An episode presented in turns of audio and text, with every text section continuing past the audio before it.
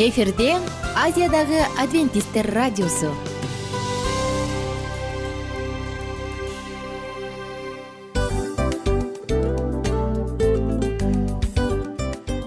Достор салют. Баардык сүйүктүү угармандарыбызга салам айтабыз. Кутман күнүңүздөр менен. Ден соолук өмүрдүн булагы демекчи саламат саамы программасында баарыңыздарды көргөнүбүзгө абдан кубанычтабыз. Анда алгач амандашып өтөлү арбаңыздар деп. Ден соолугуңуздар кандай элибизде көбүнчө ден соолук кандай дегенде эле жакшы деп жооп беребиз э? ооруп турсак дагы жакшы дейбиз. Анан мен муну айтып ойлойт элем бул абдан сонун сөз депчи анткени бул жакшы деген үмүт да э баары жакшы болот. Баары сонун. Деп үмүттөнүп атып эле өзүбүздү өзүбүз дарылап коебуз. Анысы кандай сиздин дагы ден соолугуңуз жакшы беш деген үмүттөбүз чындыгында ден соолук бул өмүрдүн булагы деп бекеринен айтылган эмес деп ойлойм. Кыргыз элинде анткени эгерде ден соолук жок болсо анда адамдын жашоосунда калган баардык керектүү маңыздуу нерселер өзүнүн баалуулугун жоготуп коет. Ошондуктан ден соолук бул эң керектүү нерсе. Ооба туура айтасың кесиптешим. Чынында ден соолугуң жок бир эки үч күн ооруп калсаң эле э кандай болуп калат? Жашоодо көз каранды болуп каласың көп нерсеге жетишпей каласың көп нерсени кыла албай каласың жада калса эчке дүкөнгө да чыга албай каласың. Туптуура анан ден соолук болсо демек биз биздин бактыбыз тоодой деп койсок болот. Анда достор саламат саамы рубрикабызды баштайлы. Алдыда өзүңүзгө керектүү болгон сонун кеңештерди уга аласыздар. Мына ошондуктан биз менен бирге болуңуздар. Ал эми биз болсо милан жана айнура. Кеттик алга. Алга саламат саама ден соолуктун жарчысы. Саламат саама ден соолуктун ачкычы. Күн сайын сиз үчүн мыкты кеңештер сонун жаңылыктар кызыктуу фактылар биздин рубрикада.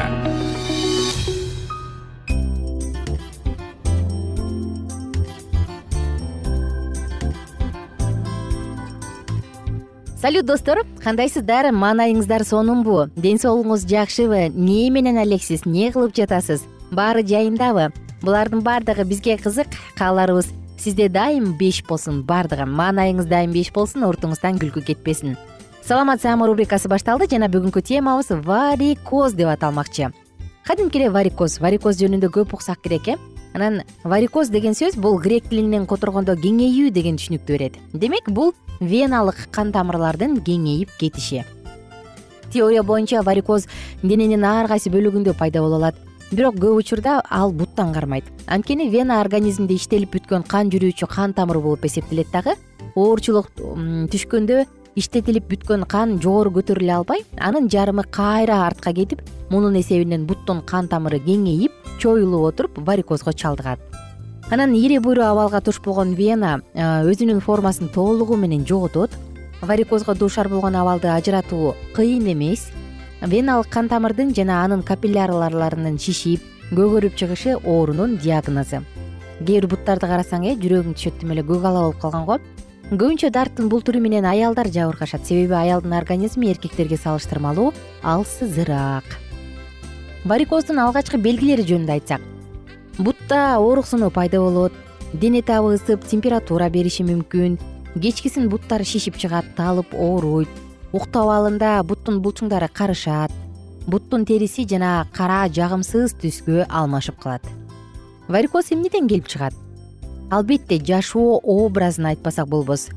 Буга организмге физикалык күч келтирген жумуштар оор көтөрүү кара жумуш ашыкча жана көп жөө жүрүү узак убакытка бир орунда туруу кирет.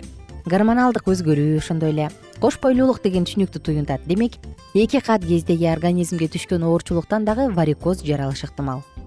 Ошондой эле келип чыгуу себеби семирүү дененин массасынын көбөйүшү дагы бирден бир себеби.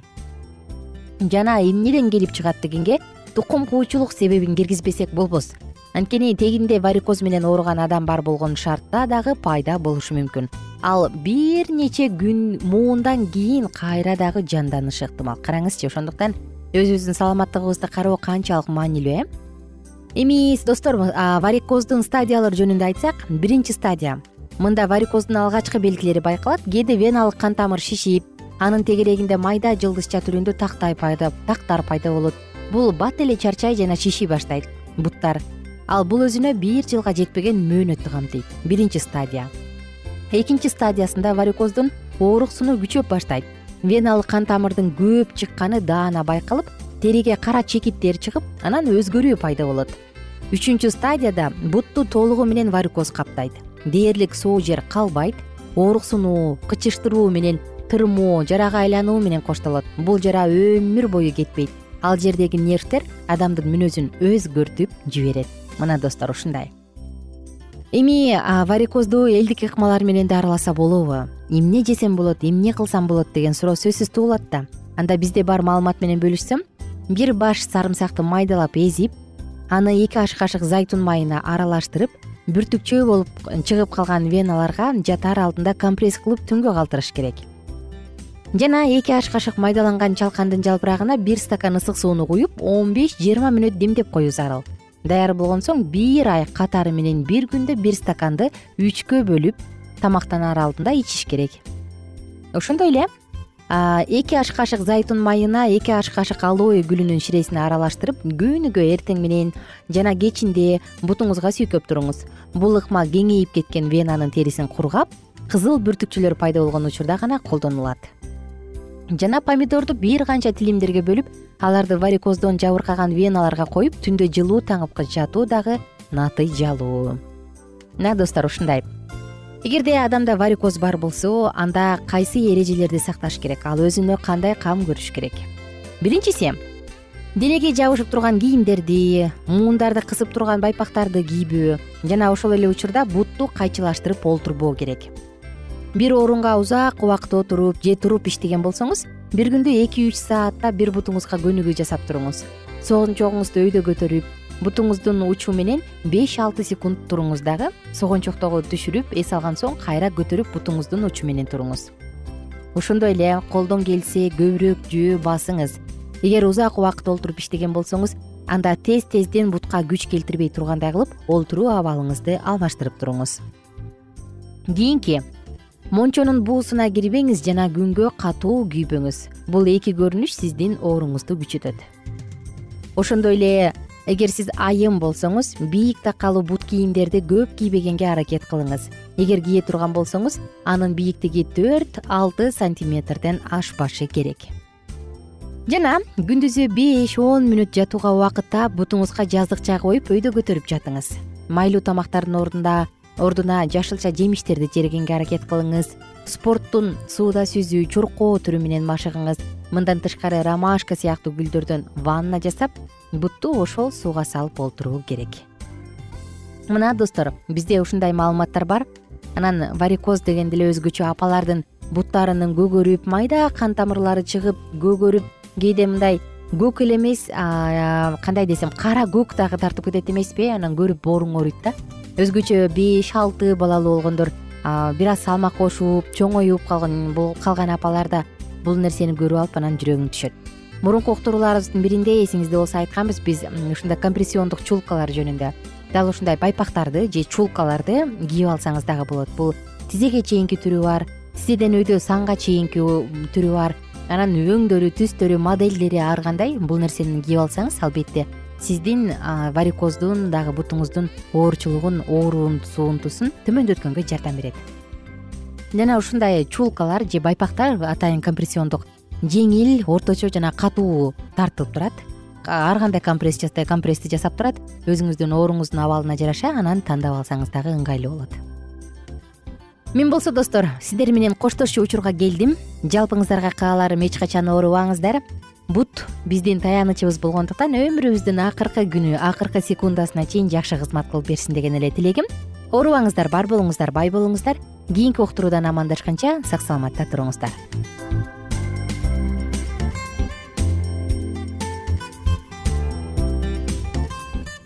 Кененирээк маалыматтар үчүн үч w чекит саламат чекит клуб сайтына келип таанышыңыздар.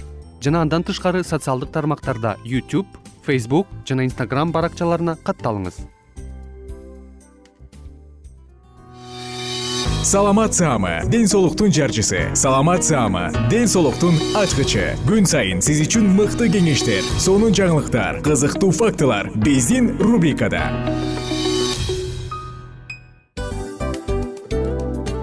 Салам достор. Кайрадан биздин сүйүктүү рубрикабызга кош келиңиздер деп айтмакчыбыз баардык замандаштарыбызга арбаңыздар деп саламыбызды айтабыз. Улуу ушундай бир э, урматтаган учурашуу менен анан дил маек радио баракчабызга чакырабыз. Негизи дил маек биздин рубрикабызда эмне жөнүндө кеп кылабыз? Бул дил маектин мааниси эмнеде рубрикабыз менен кичине тааныштырып кетсеңиз. Сөзсүз түрдө тааныштыра кетейин кесиптешим суранычы боюнча бул учурда бул радио баракчада биз ар тарап кесип ээлеринен сонун кеңештерди алабыз сүйлөшөбүз сырдашабыз аталарыбыздын эжелерибиздин апаларыбыздын кеңештерин угабыз. Айтор жан дүйнөгө адамдын э, сапатына адамдын деги эле адам болуп жашашына керектүү баардык кеңештер алдыда негизи э, дил маек дегенде баягы эки адамдын ортосундагы сырдашуу кенен сүйлөшүү. Негизи эле биз адамдар бири бирибиз менен бир жерге жай жерге отуруп алып өзүнчө тынч э, жашоо жөнүндө өмүрүбүздө эмне болуп атканын бөлүшкөнү жакшы көрөбүз э адамдар. Ооба туура айтасың анан мындай учурга кээде убакыт да жетпей келет э. Же болбосо сырыңды кайгыңды муңуңду кубанычыңды айткың келет адамга ишенбешиң мүмкүн. Ооба. А бул радио баракча угармандарыбыздын чыныгы досу. Анткени бизден алган кеңеш сиздин жашооңузга чоң жардам берет. Ал эми сиздин бизге айта турган сөзүңүз ортодо гана сыр бойдон калат.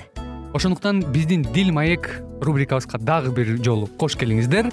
Жана биз даярдаган маалыматтарга даяр болуңуздар. Айнура жана милан сиздер менен бирге алдыга кеттик ар түрдүү ардактуу кесип ээлеринен алтын сөздөр жүрөк ачышкан сыр чачышкан сонун маек дил маек рубрикасында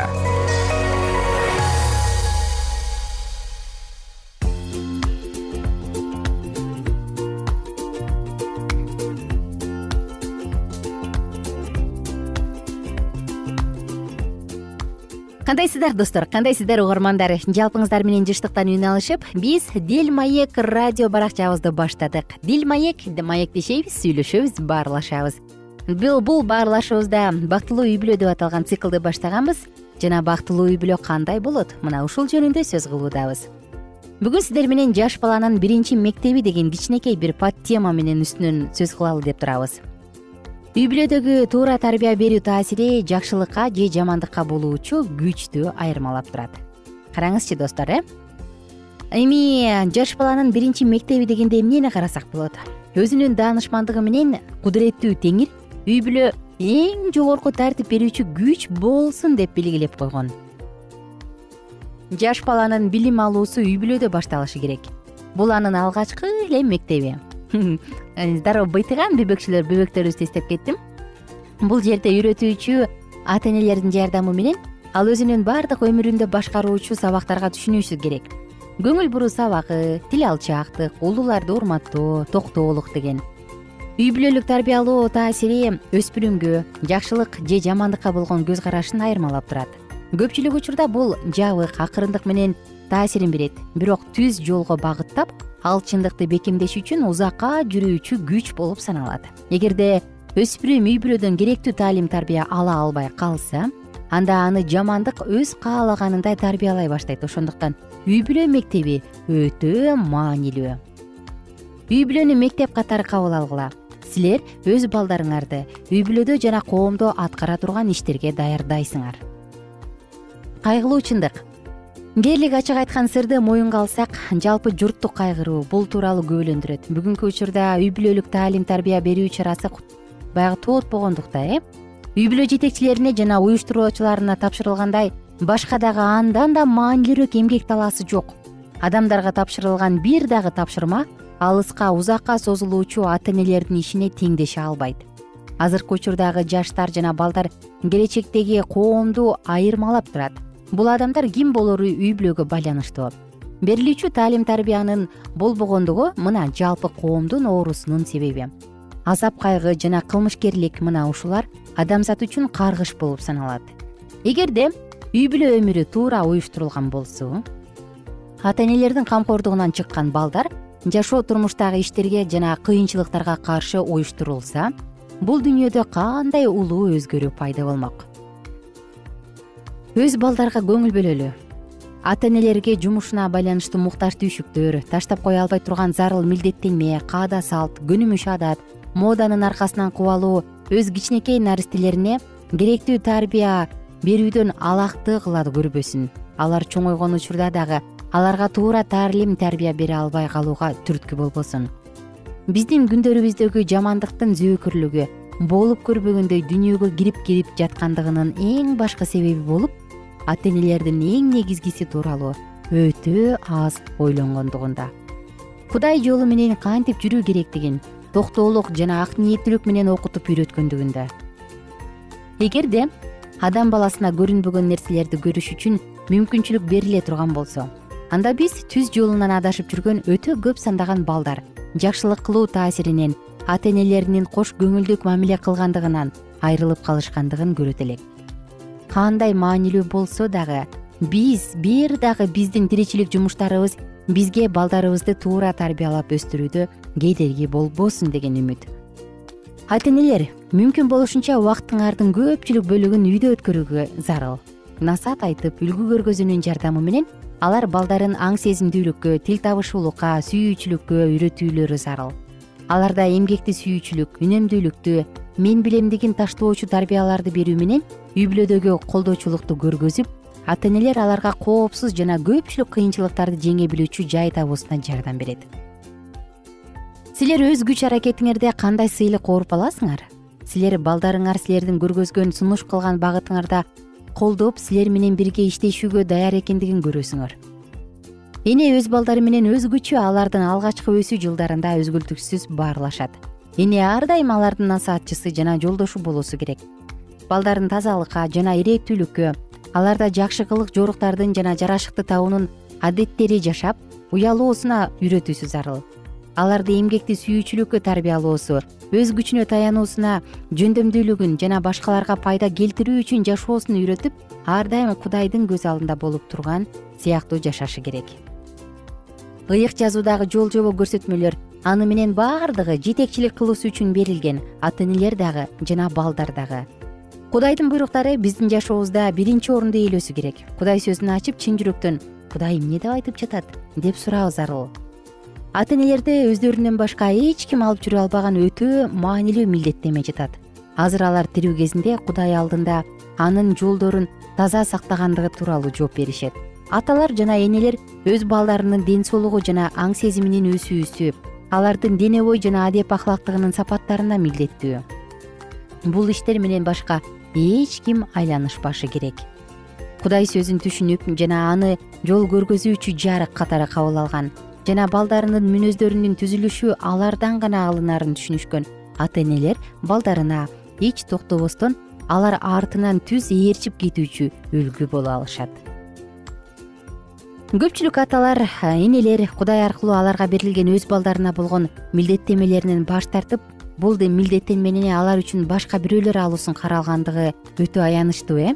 Алар өз балдары үчүн башка бирөөлөр эмгектенишип аларда болгон оор жүктү арылтууларын каалашат. Алардын көпчүлүгү өз балдарынын тил албастыгынан көзүн жашка толтурган учурлар аз эмес. Мындай учурда адам өзүн гана күнөөлөшү керек. Мага эмне зор маанилүү турмушка керектүү буюм бешкектерди жыйнообу же өз балдарымдын мүнөздөрүнүн өзгөрүүсүнө жардам берүүмбү? Бул суроо ар бир угарманыбыз үчүн жаңырды. Сиз үчүнчү? Ардактуу угарман сиз үчүн эмне маанилүү? Балаңызбы анын келечегиби же буюм тайым кийим кечекпи? Бул суроого уктуруудан кийин ойлонуп отуруп анан жооп берсек болот. Мына достор бүгүн дагы эң маанилүү сонун алтын кеңештер жаңырды. Жалпыңыздар менен коштошчу дагы учурга келдик биздин жашообузда ата эне болгон соң ата эне статусун алган соң дал ушул статуска татыктуу болсок экен деген гана тилек. Жалпыңыздар менен коштошом кийинки уктуруудан кайрадан амандашканча бар болуңуздар. Күнүңүздөр көңүлдүү улансын. Мен сиздерди жакшы көрөм. Кийинки уктуруудан күтөм. Ар түрдүү ардактуу кесип ээлеринен алтын сөздөр жүрөк ачышкан сыр чачышкан сонун маек дил маек рубрикасында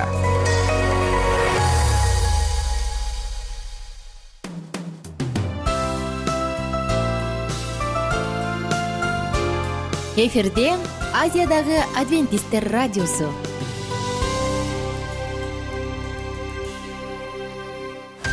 Жан дүйнөңдү байыткан жүрөгүңдү азыктанткан жашооңо маңыз тартуулаган жан азык рубрикасы.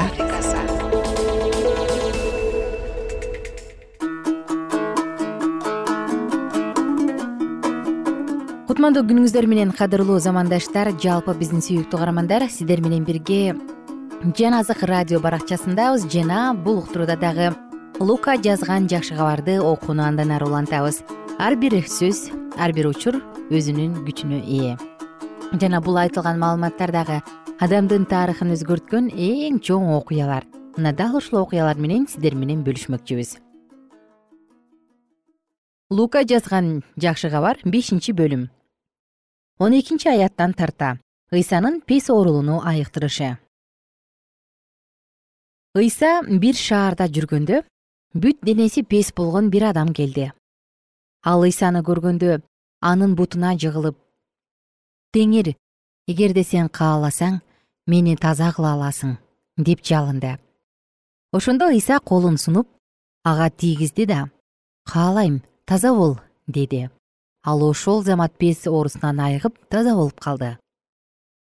Ыйса ага эч кимге айтпа бирок ыйык кызмат кылуучуга барып көрүнүп өзүңдүн тазаланууң үчүн муса буйругандай курмандык чал. Бул аларга күбөлөндүрүү болсун деп буйруду. Бирок ал жөнүндө барган сайын көп айтыла баштады. Анын сөзүн угуш үчүн жана ооруларын айыгынан айыгыш үчүн эл агылып келип жатты. Ыйса болсо өзү жалгыз ээн талаага барып сыйынды. Бир күнү ыйса элди окутуп жатканда ал жерде галилеянын бардык айыл кыштактарынан жүйүт аймагынан жана иерусалимден келген фариселер мыйзам окутуучулар отурушкан. Теңирдин күчү оорулуулардын айыгуусу аркылуу көрүнүп жатты. Ошол учурда бир нече адам бил шал оорулууну төшөнчүсү менен алып келишти. Алар аны ыйсанын алдына жаткырыш үчүн үйгө киргизүүгө аракет кылышты бирок элдин көптүгүнөн алар аны үйгө киргизе албай. Үйдүн төбөсүнө чыгып чатырды ачышты. Ошол жерден шал оорулуу адамды төшөнчүсү менен ортого ыйсанын алдына түшүрүштү. Ыйса алардын ишенимин көрүп ага адам сенин күнөөлөрүң кечирилди деди. Мыйзам окутуучулар менен фариселер өз ара кудайга акарат келтирген бул ким? Күнөөлөрдү бир кудайдан башка ким кечире алат? дешти. Ыйса болсо алардын оюн билип эмне үчүн минтип ойлоп жатасыңар? Кайсынысын айткан оңой сенин күнөөлөрүң кечирилди дегенби же ордуңан туруп бас дегенби? Бирок адам уулунун жер үстүндө күнөөлөрдү кечирүүгө бийлиги бар экенин билишиңер үчүн деди дагы шал оорулуу адамга сага айтамын ордуңан туруп төшөгүңдү ал да үйүңө бар деди. Ал ошол замат көпчүлүктүн көз алдында ордунан турду да төшөгүн алып кудайды даңктап үйүнө жөнөдү ошондо баары айраң таң калып кудайды даңкташты. Үрөйлөрү учкан алар бүгүн биз кереметтүү иштерди көрдүк дешти.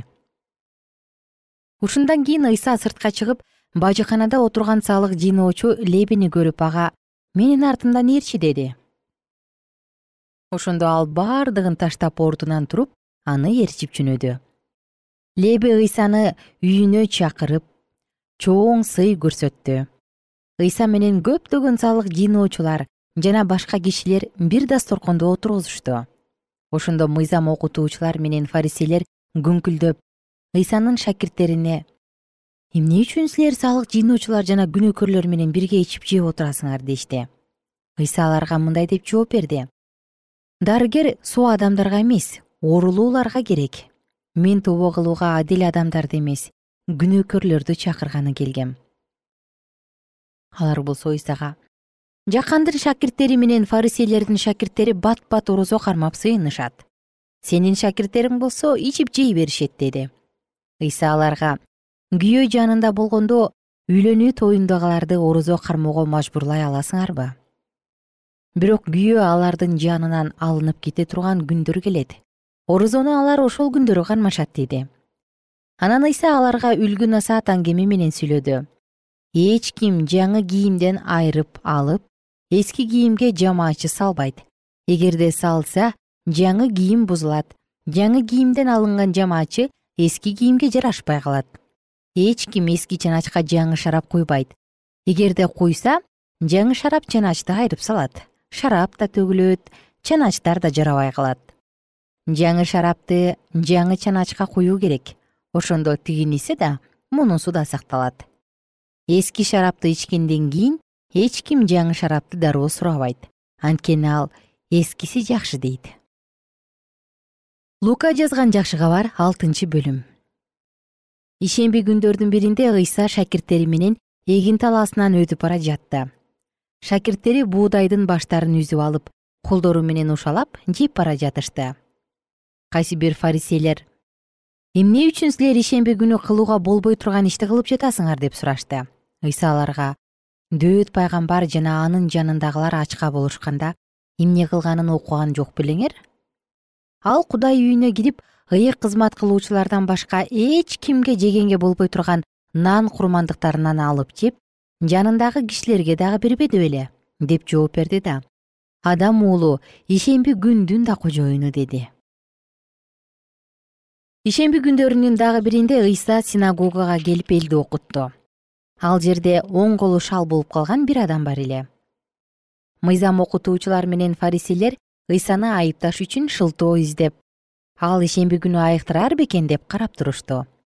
Алардын оюн билген ыйса бир колу шал болуп калган адамга ордуңан туруп ортого кел деди. Ал ордунан туруп ортого келди.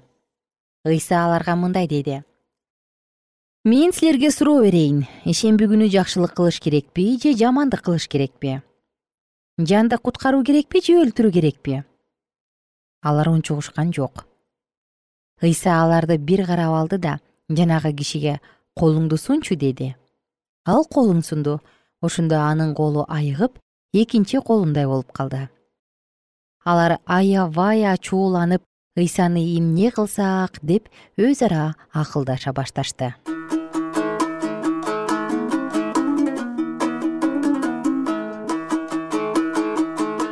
кымбаттуу замандашым бүгүн сиздер менен бирге жакшы кабар китебинен лука жазган жакшы кабар китебин окуп өттүк. Бул жакшы кабар сиздин жашооңузда чын эле жакшы кабар болуп калса экен деп үмүтүм чоң. Жалпыңыздар менен коштошобуз жана кийинки уктуруудан кайрадан амандашканча сак саламатта болуңуздар. Күнүңүздөр көңүлдүү улансын.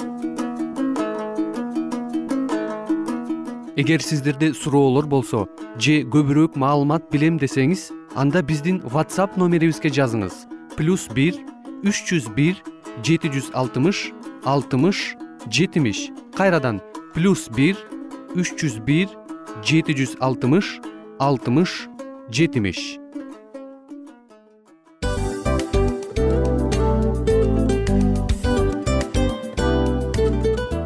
достор биздин радио баракчаларыбыз соңуна келди. Демек бул программабызды дагы жыйынтыктачу учур келдик.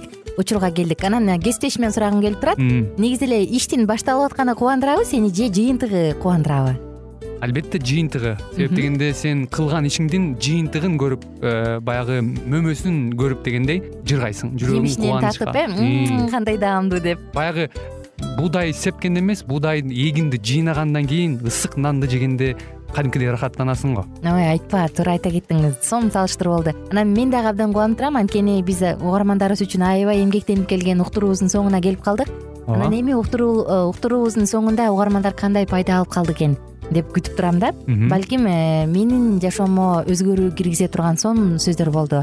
Мен ушул нерсени изилдеп анан кабыл албасам ушул нерсени кылбасам деген чечим чыгарсаңыз анда биз абдан кубанычтабыз. Сөзсүз түрдө андыктан кийинки биздин кызыктуу уктурууларыбыздан көрүшкөнчө сак саламатта калыңыздар. Чыдамсыздык менен сиздерди мен милан жана кесиптешим айнура күтөбүз. Баардык угармандарыбызга ийгиликтүү күн каалайбыз. Качан гана болбосун уртуңуздан жылмаюу кетпесин үйүңүздө көмүр жүрөгүңүздө көңүл болсун дейли